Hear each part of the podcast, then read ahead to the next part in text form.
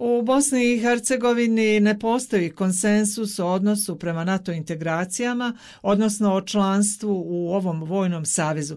Tome se protive zvaničnici Republike Srpske koji slijede stav Srbije o vojnoj neutralnosti. U takvoj situaciji koji mogu biti dometi Komisije za saradnju s NATO-om? Pocrtavajući ovo što kažete, nije vijest nikome da o članstvu Bosne i Hercegovine nemamo politički konsenzus.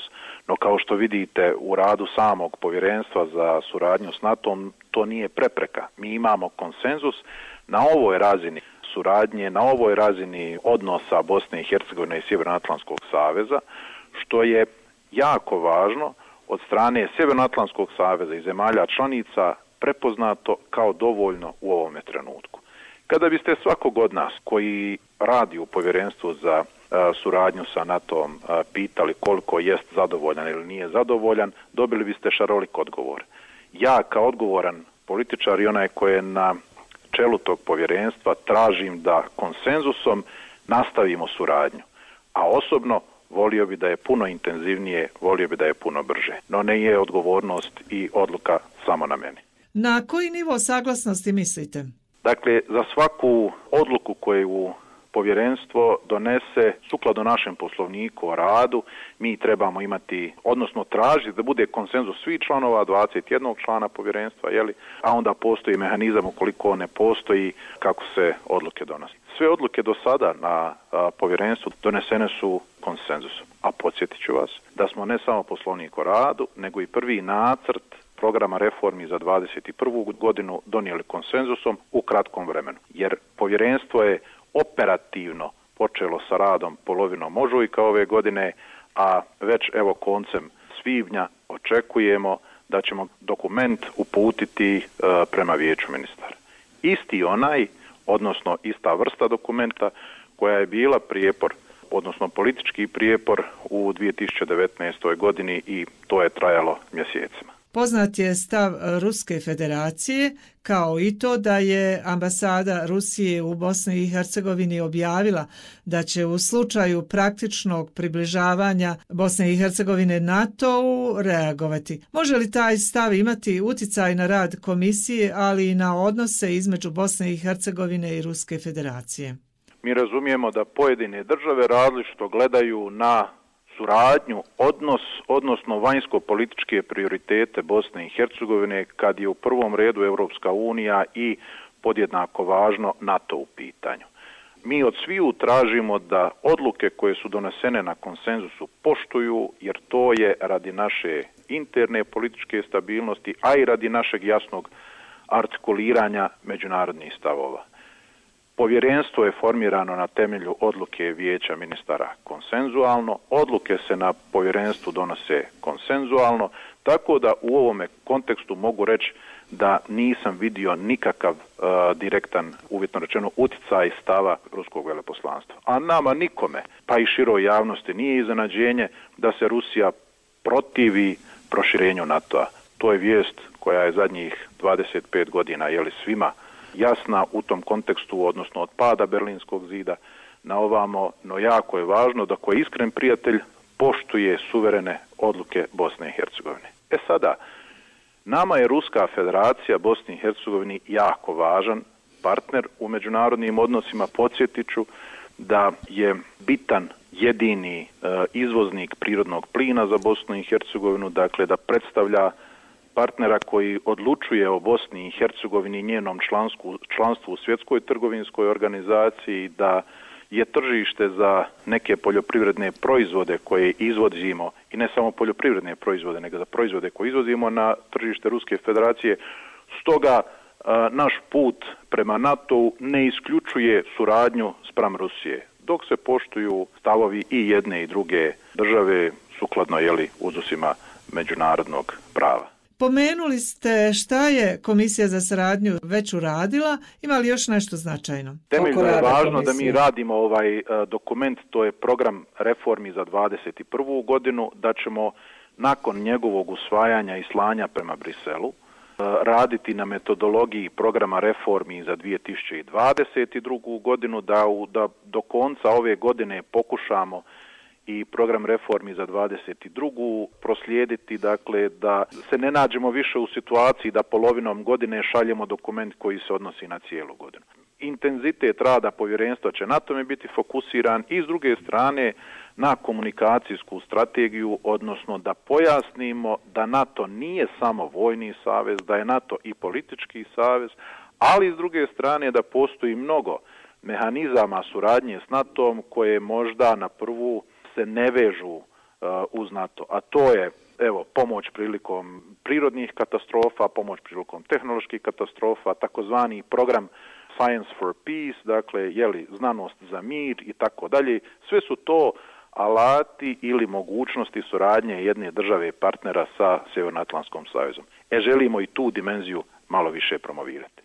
Bosna i Hercegovina se odlučila za saradnju, a ne za integracije sa Sjevernoatlantskim savezom. U tom smislu je promijenjeni naziv komisije. E, neki kažu da je to vraćanje unatrag u procesu približavanja NATO-u. To je oni koji se fokusiraju samo na formu. Više navrata sam odgovorio da stara mudrost kaže bila crna, bila bijela, važno je da mačka miševe lovi. Što se tiče samog sadržaja i onoga što povjerenstvo za suradnju s NATO ima u svom sadržaju, ono ni u čemu nije različito u odnosu na povjerenstvo za integracije koje sam isto usput budi rečeno vodio od 2015. godine. Dakle, važan je sadržaj, a taj sadržaj nama omogućava da idemo na našem NATO putu, ali opet vam kažem, ako biste pitali razne iz samog povjerenstva, dobili biste i razne odgovore oko brzine i oko sadržaja, no temeljno je da opet odgovorno konsenzusom ostavimo proces živim, odnosno da ta suradnja s NATO-om uh, ide naprijed. Koliko je, gospodine Brkiću, prema vašem mišljenju Bosna i Hercegovina daleko od članstva u NATO-u i da li je uspješnija u procesu integrisanja u Evropsku uniju? Porediti proces Europske unije i NATO-a je moguće jer sastavni dio programa reformi e, dokumenta prema NATO i onih reformi koji se čine prema Europskoj uniji su u mnogo, mnogo čeme uh, e, kompatibilni. Naravno, ovaj program reformi vezano za NATO ima jednu malo izraženiju vojno-sigurnosnu dimenziju. No rekao bi da 75% svih reformskih, ako ne i više, procesa koji se događaju se uh, preklapaju. Stoga su podjednako važni. Mogu reći da iz uh, Ehm, ove recentnije povijesti ni jedna zemlja iz tranzicije nije ušla u Evropsku uniju, a da prethodno nije postala zemlja članica Sjevernoatlantskog saveza. Koliko smo daleko, koliko smo blizu, zavisi od nas, našeg unutarnjeg konsenzusa, no podjednako tako i od spremnosti evo, i Evropske unije i Sjevernoatlantskog saveza da nas prime uh, u članstvo. Da bismo i došli i do konsenzusa jeli, i unutar NATO-a i unutar Evropske unije, trebamo ispunjavati reforme, trebamo, kao što rekao, ovu 21. iskoristiti da dođemo do jednog bitnog pomaka u izmjeni ustava izbornog zakonodavstva kako bi stabilizirali političke odnose i jednostavno jednim mirnim tempom nastavili prema Europskoj uniji i NATO. A vremenski okvir ne ovisi samo o nas, ovisi i o e, situaciji unutar Europske unije, odnosno unutar NATO-a, no važno je raditi, a kada dođe pitanje članstva, onda će o tome odlučivati da li moja generacija političara ili neko drugi o tom potom. Ipak, euroatlantske integracije su od velikog značaja za Bosnu i Hercegovinu. Ako pitate mene osobno, dakle, i stav mene i moje političke stranke je da nema ničega važnijeg osim članstva Bosne i Hercegovine u Europskoj uniji i u NATO. Ali ni Europska unija ni NATO neće napraviti nikakav uh, E, iskorak prema nama bez unutarnjeg konsenzusa, bez našeg unutarnjeg dogovora. Stoga je odgovorna politika uvažavati sve i na konsenzusu graditi odluke koje će nas korak po korak, nekad malo veći i nekad malo manji, približavati tom našem vanjsko-političkom cilju. Nedavno ste razgovarali sa zamjenicima pomoćnika američkog državnog sekretara Matthew Palmerom, koji je i posebni zaslanik za Zapadni Balkan, ali i sa gospodinom Marfijem. Šta je bio sadržaj tog razgovora? Temeljno smo razgovarali naravno o radu povjerenstva za NATO gdje e, su sugovornici podržali. Naravno, kao što Sjedinje američke države podržavaju NATO put e, Bosne i Hercegovine, razgovarali smo o vježbi koja je trenutno na e, teritoriji Bosne i Hercegovine oruženih snaga Bosne i Hercegovine i Sjedinje američkih država. Razgovarali smo o učešću e, Bosne i Hercegovine u operacijama vođenim NATO u Afganistanu i eventualno nekim, nekim budućim.